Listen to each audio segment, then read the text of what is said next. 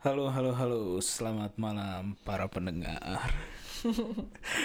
Kembali lagi di podcast Golongan Sufi, podcastnya golongan para penyuka film horor, enggak ya?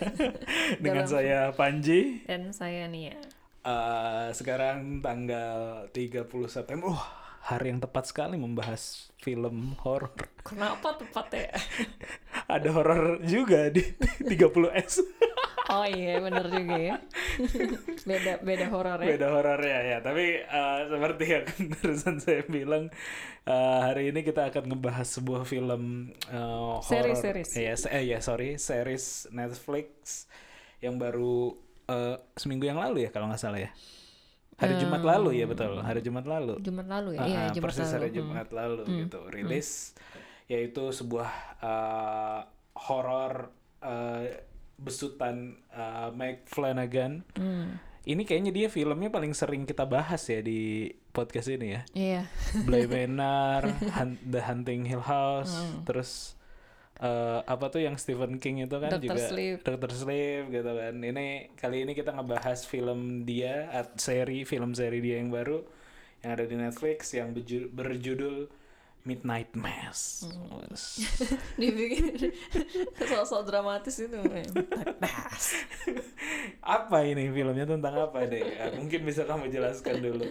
Oh ya sebelumnya sebelum sebelum Eh, podcast kita tuh selalu spoiler. Jadi kalau buat yang dengerin, ya bagusnya nonton dulu lah gitu. Atau lihat judul dari podcast kita baru nonton baru dengerin gitu. Karena Oh, memang iya. banyak banget eh, Emang spoiler dan kita kan ya? iya dan, dan kita tidak apa tidak jaga-jaga mulut ya untuk ngomongin itu jadi jadi jadi harap dimaklumi gitu soalnya ada yang uh, komen di uh, DM kayak Oh, gitu gitu? gitu iya ya udahlah salah sendiri gitu. Kenapa? Bilangnya apa? Jangan spoiler gitu. Eh, telat apa ya ada film apa gitu yang kita bahas tahu-tahu pas ngobrol kan tahu-tahu ke ending aja kayak gitu Oh, kan iya, atau mau ini anak apa gitu. Nah. ya itulah resikonya. Jadi dengerin podcast hanya untuk yang udah nonton gitu nonton. untuk sharing pengalaman aja bukan Iya. rekomendasi juga sih Iya. jadi gimana gimana ininya apa namanya Oke, jadi ini ceritanya tuh tentang sebuah pulau ya, sebuah pulau terpencil yang kebetulan kedatangan seorang pendeta yang seiring datangnya pendeta itu tiba-tiba banyak keajaiban terjadi. Yes. miracles Eh pendeta di sini pendeta pendeta Kristen ya, iya. Bukan pendeta kan kita juga nyebutnya kadang aku nyebutnya pendeta eh, Hindu. Enggak juga ya kalau Hindu beda ya. nggak tahu lupa juga ya. father lah father. Iya gitu. pastor pastor. Mm, mm, Heeh, Singkatnya terus- sih gitu aja. jadi ada sebuah daerah terpencil pulau terpencil datangnya gitu. Kedatangan seorang priest. Jadi Ah. sebelumnya sih di tempat terpencilnya ada priest yang udah tua. Heeh. Dia pergilah ke Yerusalem. Eh, Ah, ke mana? ke Yerusalem, ah, kan waktu Israel, itu. ah.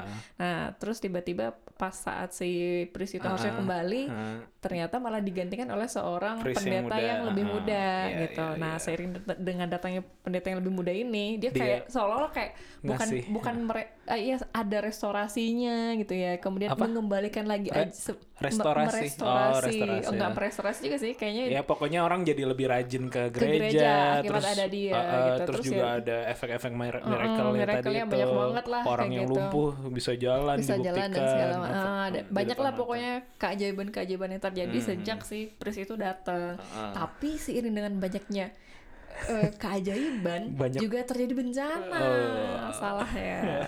Itu deh. Iya, dan juga eh, agak mencurigakan ya jadinya Hmm. dalam proses miraclesnya itu ada pencurigakan. eh, tapi aku mungkin ini nambahin sedikit bahwa sebenarnya Hmm. aku nggak tahu ya karakter sentralnya bagaimana ya di film ini ya karena Hmm. ada hal yang tidak menyenangkan terjadi juga.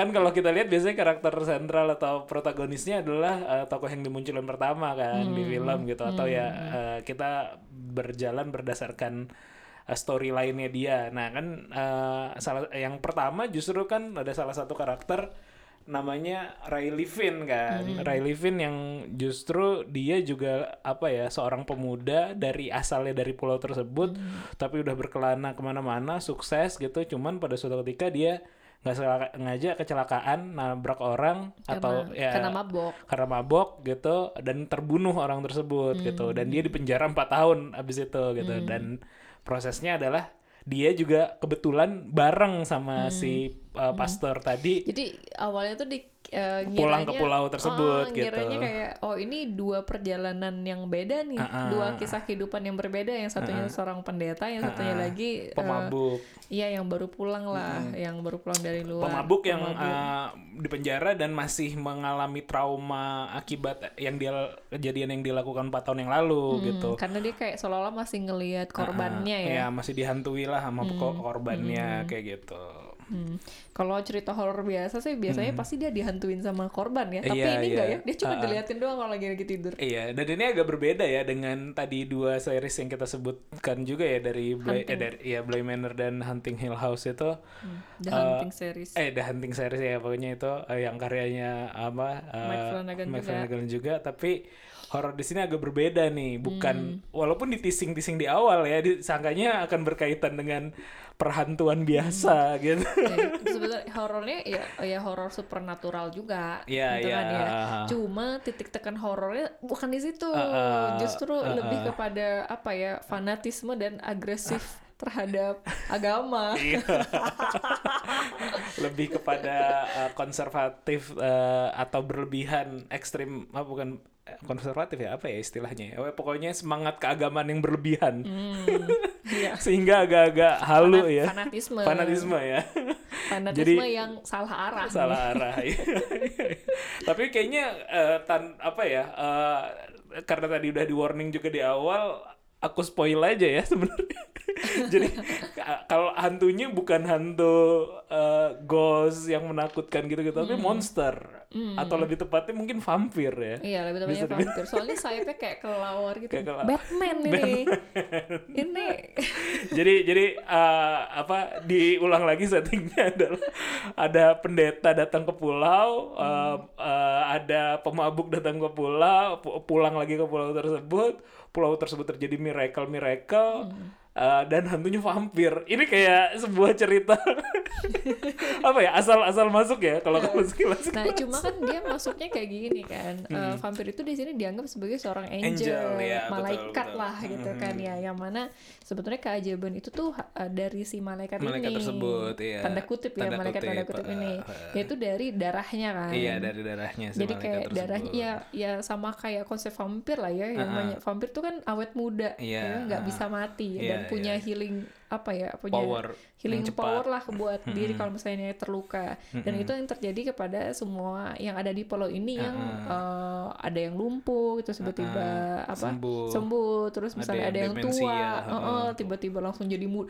muda lagi gitu, Iya, Heaven muda muda lagi. lagi gitu. Iya, iya, iya. Bukan cuma bisa berdiri dengan tegak ya, tapi sampai rambutnya pun enggak beruban gitu. Iya, iya, iya. Nah itu aku aku eh, ini fun fact ya, fun fact sedikit. Tadi aku baca tuh jadinya spesifiknya yang si siapa?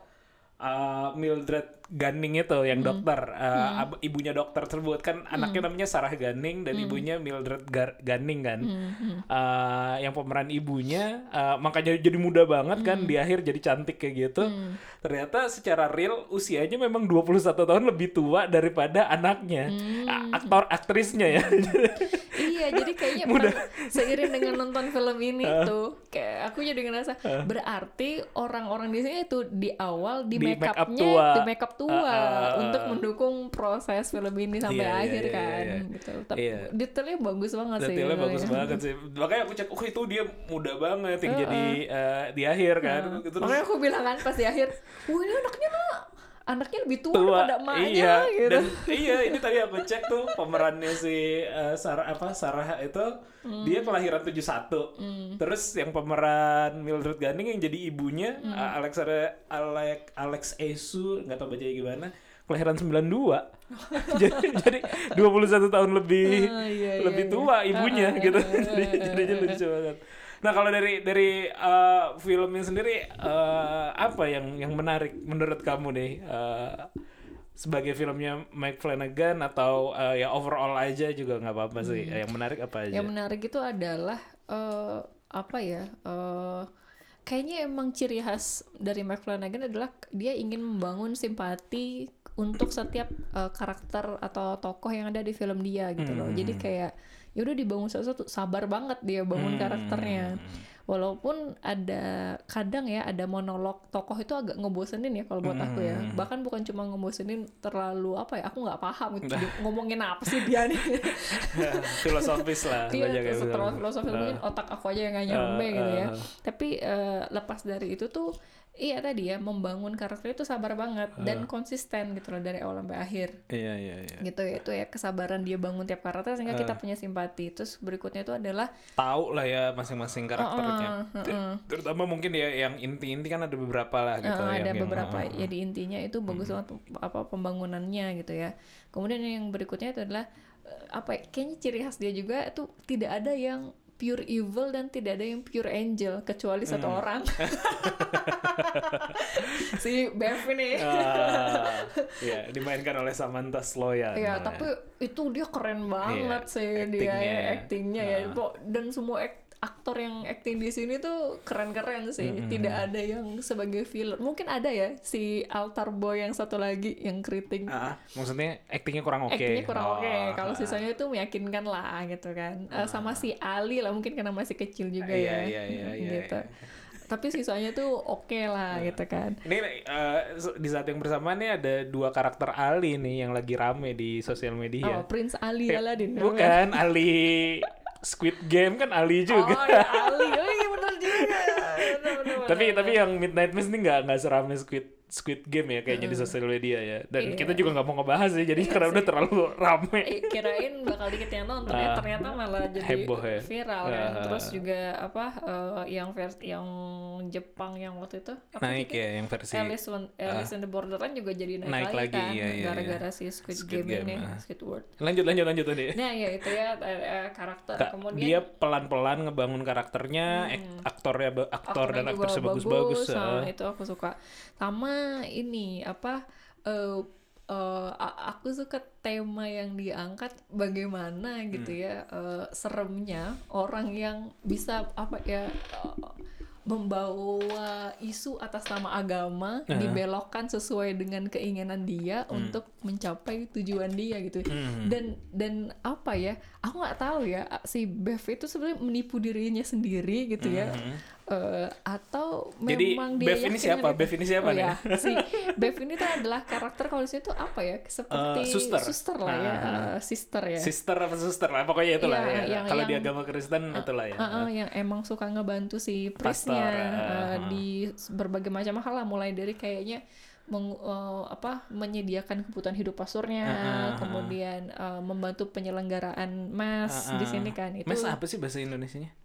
Eh, kebaktian Ke- atau oh gitu ya, mungkin ya, kali ya, ya, kayaknya oke, itu oke, kali ya nah yang kayak gitu nah si Bev itu adalah karakter yang pendamping pastor lah istilahnya kayak gitu ya Ah, si ah. susternya ini Ah, ah. nah cuma dia nih apa ya eh dari awal tuh kamu udah bisa ngelihat bahkan dari ekspresi muka dia Ah, ah. dari awal kemunculan pertamanya dari juga kemunculan, udah. eh, intonasi dia ngomong Ah. gitu ya pembawaannya Ah, ah. sama kutipan-kutipan yang selalu kutipan dari Injil gitu ya Ah. yang selalu dia kutip tapi itu tuh cuma untuk ngedeliver kemauan dia doang gitu loh Iya iya iya. iya. ngemelintir ayat lah kalau di kalau di kita Ah, gitu kan. ah, ah.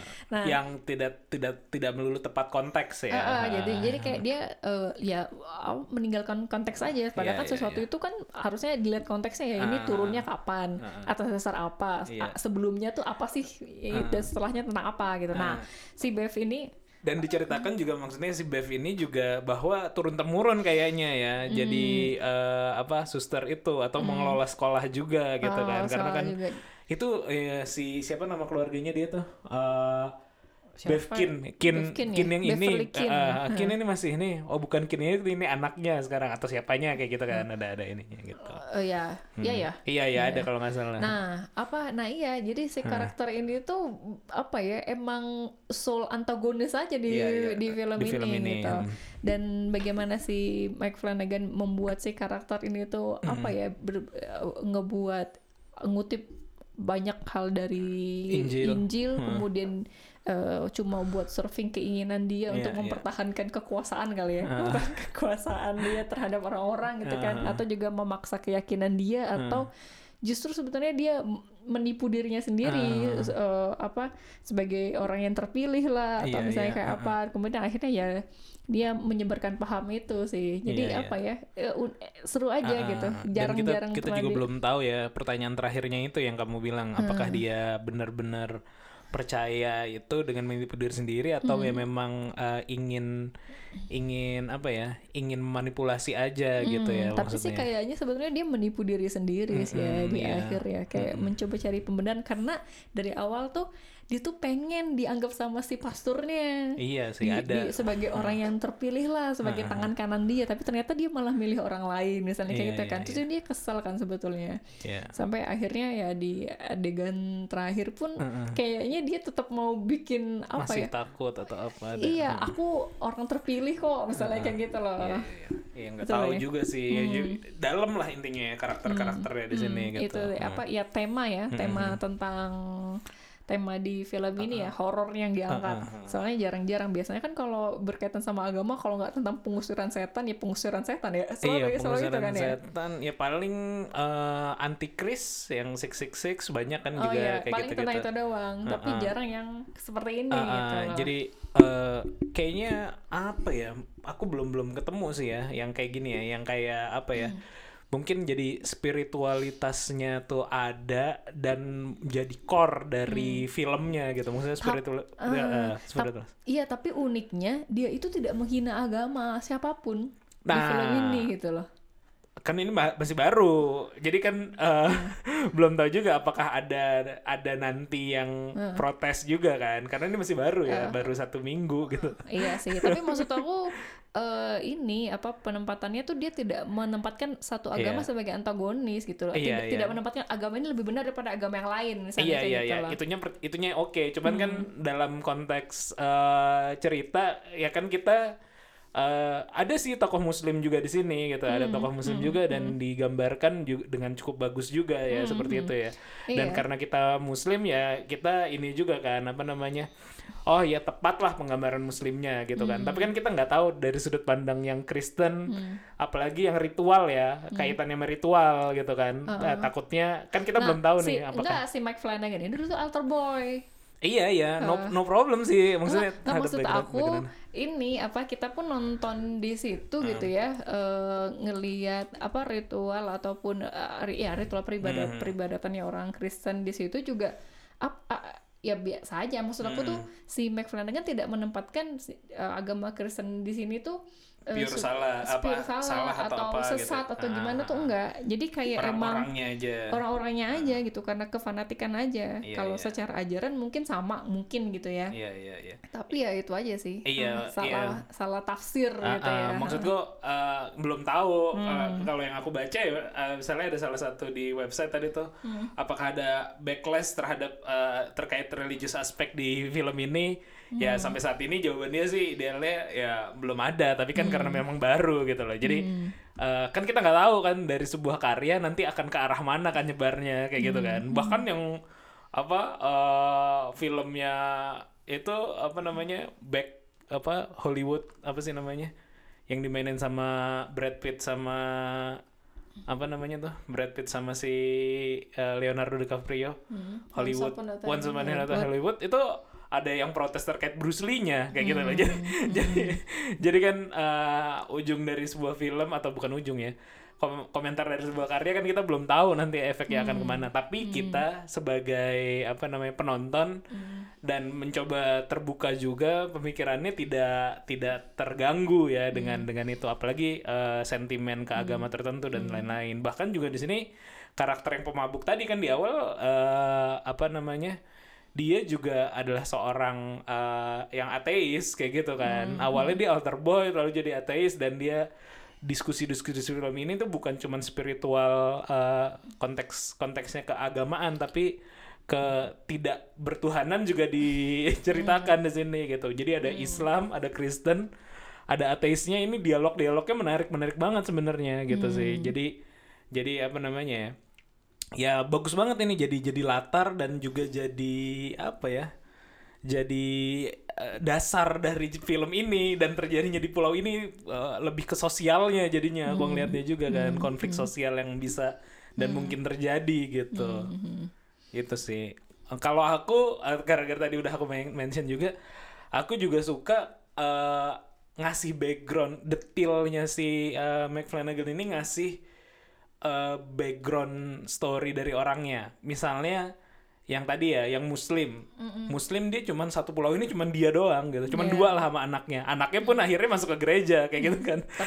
Anaknya masuk ke gereja kayak gitu. Dan eh, muslim ini eh, minoritas satu orang doang tapi dikasih jadi sheriff gitu. Jadi j- dan dan dia mempunyai background story yang eh, apa pernah dikucilkan gara-gara eh, 9/11 kayak gitu kan. Dan itu jadi kayak itu kayak apa ya kontradiktif gitu loh.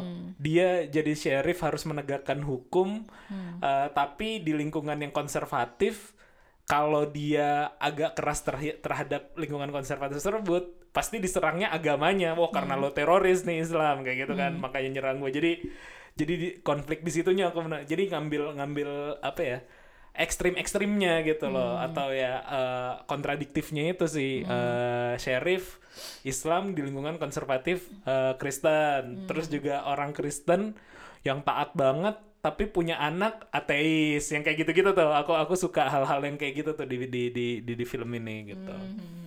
Sama tone-nya sih eh, color-nya ya. Aku suka nggak nggak nggak terlalu apa ya ini mungkin warnanya tuh kayak warna kampung gitu kayak lingkungan kampung aja gitu warnanya aku suka sih di situ. Kalau minusnya ada nggak? Minusnya ini, saya apa eh, ya beberapa monolog yang agak ngebosenin sih. Oh iya iya. Aku juga beberapa ngelihat HP tuh ngomongin kematian tapi ternyata di callback lagi di akhir itu juga menarik ya. Ah, Wah, dengan eh, apa ya alternate gitu. Ngomongin kematian kematian menurut versi lo terlalu- gimana? Iya, tapi terlalu panjang sih dan kayak ngalur ngidul aja kayak ini orang ngerti gak sih? Kayak cuma yaudah gabungin antara sains sama perasaan gitu. Ah, enggak ya ya yang satu yang satu eh, pas diskusi awalnya antara Erin ya ini juga karakter sentral ya di sini.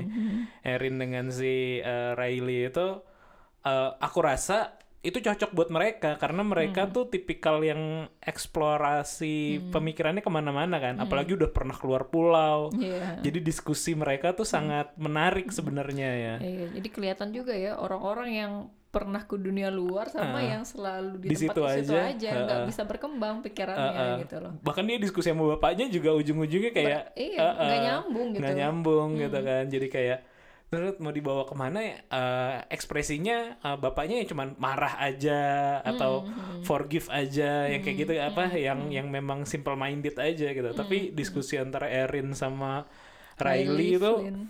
menarik-menarik menurutku dan panjang gitu loh. Walaupun ya memang ngebosenin sih Iya, agak-agak kadang ngebosenin gitu ngebosenin. Ya, menarik juga tuh kalau si Flynn lagi ngobrol sama si Pastor, Pruitt ya, Pastor ah, ah, Pruitt ya. ah, Nah, ah. itu juga menarik sih sebetulnya. Walaupun ada beberapa sebetulnya eh, seri, apa ya bahasannya biasa aja ya. Iya iya Cuma yang yang enaknya itu adalah eh, reaksi yang reak, reaksi dari temen dari lawan ngomongnya Iya, gitu iya, loh. iya. Reaksi Flynn terhadap apa yang disampaikan sama pastor dan reaksi pastor terhadap apa yang diomongin sama si Flynn, si Riley ah, Flynn ini. iya iya Itu sih yang benar. Jadi apa ya? Banyak ekspresi mikro ya di di sini tuh yang enak gitu Iya yang oh iya Beneran jadi real. kita bisa paham ya dengan acting begitu doang gitu ya Mm, itu itu menarik Cara sih. Duduknya si Riley itu juga kan dari awalnya kayak gimana, terus lama-lama kalau kalau agak mulai menerima agak menerima, agak merasa dirinya kecil, misalnya kayak gitu itu hebat lah. Ah, iya, itu jago menarik di acting ya kayak gitu iya, natural sih. Iya, iya, natural. iya. Eh, iya sih betul betul itu Hmm. actingnya bagus juga gitu. Terus juga eh, kalau aku kekurangannya apa ya? Hmm, nggak ada sih aku kayaknya oh, slow pace-nya aja sih memang slow Oh, pace-nya. Kalau kalau nggak sabar eh, ya akan skip sih. Hmm, Akan iya, skip gitu karena kalau ngomongin horor ya mungkin baru ya ada jam jam scare jam scare dikit dikit tapi Hmm. juga eh Kayaknya nggak ada jump scare ini mah. eh jump scare yang hantu hantunya Riley maksudnya di awal-awal Oh, terus iya. mata mata mata muncul-muncul Ya tapi tidak. Tapi Tidak. maksudnya jump scare-nya tidak didukung oleh musik gitu. Biasanya kan kalau jump scare musiknya tiba-tiba dor gitu Iya, kan. iya, Ini iya. kan nggak kayak gitu. Jadi Iya. nggak jump scare juga sih. iya dan dan itu kayak distraksi aja sih ternyata Hmm, bukan bukan itu hantunya kan atau horornya kan sebenarnya Hmm.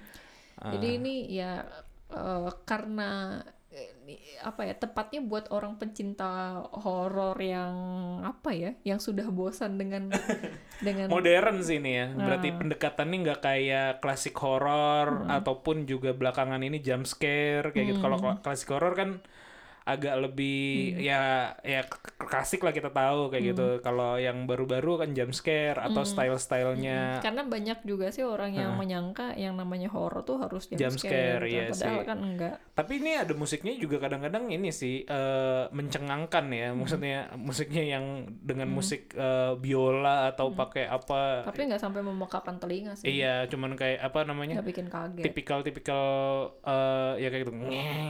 Tapi kayak gitu-gitu sih eh, ininya Hmm. tipikal bunyi. Hill House aja Tipikal Hill House ya. tipikal Iya. hunting series itu Iya iya iya iya. iya. Eh, terus kalau secara atau ada info-info lain yang ingin kamu tambahkan gitu. Nah iya, jadi kan si, si filmnya Mike Flanagan itu aku selalu selalu menemukan bahwa dia selalu menggunakan aktor atau aktris yang sama. gitu kan. Mirip-mirip lah dekat-dekat. Iya selalu itu itu doang. Terus kenapa nih ceweknya selalu yang itu terus kan? Hmm. Ternyata itu ada istrinya. Yang mana? Jadi Erin. Oh itu istrinya. Itu- itu Ya istrinya. ampun. Makanya kan di semua series hunting dia ada semua kan. Siapa sih namanya dia? Kate Kate siapa gitu? Kate Siegel. Oh. Kate Siegel itu iya, ternyata iya. istrinya. Oh itu istrinya Ah, jadi dia tuh itu. aktris dan penulis skrip sebetulnya. Ah, si dia, istrinya. Istrinya. Ah. Jadi makanya dia suka kolaborasi sama suaminya. Ah. So, ada juga film Tapi lain. yang ini ditulis sama Mike Flanagan sendiri kan sebenarnya Ah, atau ah. istrinya juga ikut nulis? yang Mike Flanagan nulis sendiri kayaknya Ah. tapi nah jadi nggak tahu juga apa istrinya juga ikut ya Ah. Eh, soalnya ada juga film dia yang lain yang ternyata pas nyari-nyari eh filmnya Hush gitu ya tahun 2016 atau 2018 aku nonton sih. Hmm. dan ternyata di situ kan yang main si cewek itu juga si istrinya dan sutradaranya si Mike Flanagan juga gitu loh. Jadi kayak, oh ternyata Iya, mereka sering kolaborasi gitu Iya, kan. iya, iya. dan ternyata di film Hush itu Heeh. kan si Kate ini istrinya ini eh dia berperan sebagai seorang penulis buta Penulis buta, oke. penulis ah, buta. ah. Nah salah satu novel yang dia pegang itu judulnya Midnight Mass. Oh, jadi judul film ini Ah, ah, gitu. Judul film ini, judul jadi kayak ini. di film gitu. itu nge-spoiling bakal bikin film oh, ini kan masih gitu. lama Iya, iya, dan iya. si Kate juga Berarti udah mulai mikirnya- nulis ya. Iya, jadi Kate itu jadi kayaknya dari novel atau apa nggak ngerti deh. Hmm. Cuma kata si Kate itu ngira bahwa eh, Midnight Mass ini tuh bakal difilmkan, tapi Hmm. ternyata malah jadi series. Series, Nah, oh. awalnya mau film, tapi Ah, ah. ternyata eh, Kayaknya di- lebih di tepat Netflix jadi series. series. sih kayaknya. Ya kalau film mau- akan cepet ya, Iya, lebih cepet sih pace-nya gitu. Ah, ah. Iya, gitu iya. sih. Nah ngomong-ngomong itu, aku di film ini juga banyak ada buka- banyak ini ya apa ya Easter egg lah istilahnya. Heeh. Gara-gara ini film ini kan ada Jumat Agungnya juga ya, tapi Ah. istilah Easter egg kan situ. Cuman uh, banyak Easter egg juga gitu. Uh, misalnya uh, di rak bukunya siapa Riley gitu, Ah. ada beberapa bukunya uh, Stephen King yang memang kita ketahui si Oh. Mike Flanagan memang favorit juga. Terus juga Hmm. ada buku uh, ada apa ya? Uh, ada buku yang judulnya Ste- Stephen King yang judulnya uh, Salem Slot. Hmm. Nah itu ceritanya mirip dengan ini, tapi alter yang berbeda aja. Hmm. Salem Slot itu menceritakan uh, novelnya Stephen King itu menceritakan tentang uh, ada sebuah de- desa desa ter terpencil atau kota terpencil yang isolate dengan vampir kayak gitu. Jadi Oh, jadi kayak dari awal ketika dia pulang kampung kita udah dikasih fakta sebenarnya ini ada novelnya Stephen King yang judulnya ini kayak gitu. Hmm. Mirip lah gitu Mirip ceritanya. mirip kayak gitu. Hmm. Jadi kayak apa namanya eh eh, ya inilah Easter egg lah ya istilahnya. Hmm. Terus juga bahkan juga ada eh, potensi eh, next projectnya si eh, apa namanya eh, Mike Flanagan. Hmm. Ya ada buku di raksnya Riley juga yang judul, judulnya Midnight Club. Katanya itu akan jadi eh, next projectnya juga kayak gitu gitu. Jadi Hmm. ada Easter egg Easter egg-nya lah kayak gitu Eh, lucunya ya kayak gitu sih. Iya sih. Eh, sebenarnya udah lama sih nunggu series ini muncul ya Hmm. dan dari tahun lalu sih sebenarnya di, ditunggu cuma karena memang covid ya jadi proses syutingnya mundur jadi akhirnya Hmm. ya produksi eh, ya apa rilisnya pun juga akhirnya mundur gitu kan Mhm. Oh, ya iya, tapi iya. puas sih sebetulnya nggak ya ditunggu-tunggu kalau dulu tuh sampai nyari kapan mulai syuting kapan mulai syuting Ah. Terus Oh, akhirnya pandemi ya? Berarti lupa. ini syutingnya Ah, pas pandemi pas juga ya? pandemi gitu terus akhirnya lupa dan eh ternyata muncul dan ya bahagia lah bisa nonton lagi Iya, gitu iya, iya, eh, karyanya dia. Uh, sama ini juga nih aku uh, kan uh, mencoba mengkait-kaitkan antara judul dengan judul se- uh, judul episode dengan uh, ceritanya gitu. Cuman baru ketemu satu ini. Oh gitu. Ternyata di kitab uh, yang ketiga apa uh, episode yang ketiga yang judulnya apa namanya uh, apa ya judulnya tadi tuh aku baca Proverbs ya. Proverbs itu kitab Proverbs gitu. Uh, ternyata uh, di situ kan pertama kali muncul si demon eh, si angelnya itu kan si vampirnya itu. Nah ternyata itu di kitab tersebut kalau di Injil ada uh, analogi di situ ada ayat yang menjelaskan tentang si ada namanya Aluka. Aluka tuh vampire gitu lah sebenarnya. Jadi Aluka adiknya Kilua bukan? Aluka itu Eh, nggak kata pakai H. Oh, ya, Eh, terus ya? Iya. Iya, jadi oh iya itu kakak. Kakaknya ya. Iya, jadinya maksudnya oh berarti setiap judulnya nih ada maknanya bahwa Hmm. pertama kali munculnya itu eh, di kitab aslinya, Hmm. di Injilnya ada juga kayak gitu korelasinya kayak gitu di kitab-kitab lain mungkin ada juga ya di setiap episodenya cuman Mungkin kalau buat yang nger- yang Ngerti paham Injil, tentang Injil akan lebih relate kali ya. iya iya iya iya iya. Ya, Bakal, bakal lebih ada pergulatan batin kali ya pas Ah. nonton. ya cuman ya itu sih sebenarnya beberapa ya tadi yang kamu statement di awal sih sebenarnya gara-garanya adalah ya orang asal comot aja kan dan mengkaitkan maksudnya menurutku jadinya kayak si Bev itu eh apa ya eh interpretasi dia terhadap ayat dipas-pasin dengan kejadian yang jadi di depannya gitu. Misalnya terkait dengan minum darah Nah, diterjemahkan literally dari situ ada minum darah biar bisa apa eh, awet muda atau apa Iya, kayak gitu jadi- abadi kekal kayak gitu-gitu. Cocokologi sih sebetulnya. Cocokologi. Jadi hati-hatilah mencocok-cocokkan sesuatu. Eh. Apalagi yang suka apa? Tapi ini sangat memungkinkan terjadi juga di agama Islam sebenarnya. Iya, kalau- orang yang sekarang kan suka tuh kan dapat apa eh, WhatsApp Broadcast. broadcast Hmm. Nomor sekian sekian sekian kalau misalnya buka ayat Ayat sekian surat sekian. apa gitu kan co- nyocok nyocokin doang kan Yang gitu-gitu tuh kayaknya semua agama tuh ada, Ada ya, orang-orang yang kayak gitu ya. oh, potensinya Ah, besar ah, iya, iya, iya.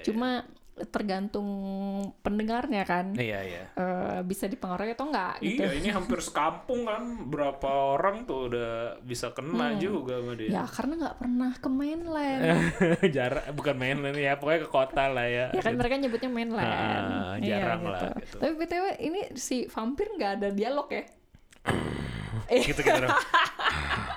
Temakan. iya gitu doang gitu Ada.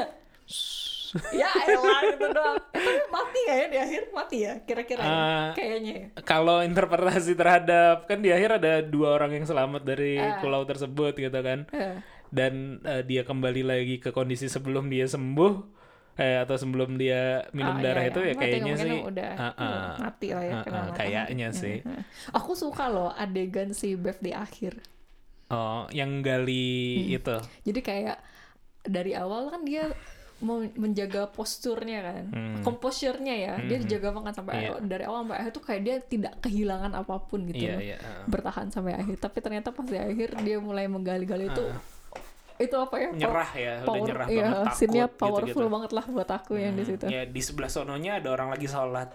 Iya di belakangnya. bener-bener apa ya dibenturkan semuanya Iya. gitu gitu Aku suka tuh hal-hal yang kayak gitu tuh apa di di satunya tuh kontradiktifkan uh-uh, gitu loh. menemukan ketenangan Iya. gitu ya di akhir Bukan cuma yang orang sholat ya, tapi orang-orang yang nyanyi di tengah uh, malam itu yang untuk apa ya uh, ibadahnya mereka itu juga sebelum adegan matahari terbit itu juga ini banget kan. iya Sisi satunya tuh ikhlas lah ibaratnya nerima, pasrah, tobat gitu.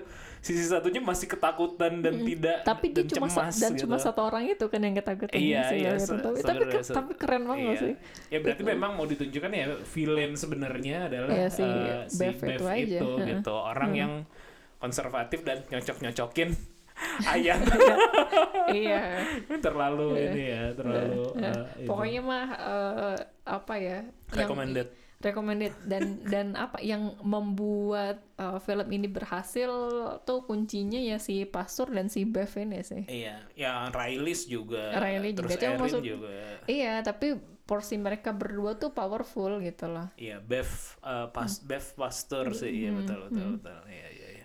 Oke sih paling kayak gitu. Terakhir grades-nya Hmm. nih film eh peringkatnya apa? Aku sih eh eh outstanding lah. Aku suka soalnya. Oke, aku juga deh. Outstanding. Oke, gitu aja pembahasan kita pada malam hari ini di uh, 30 September.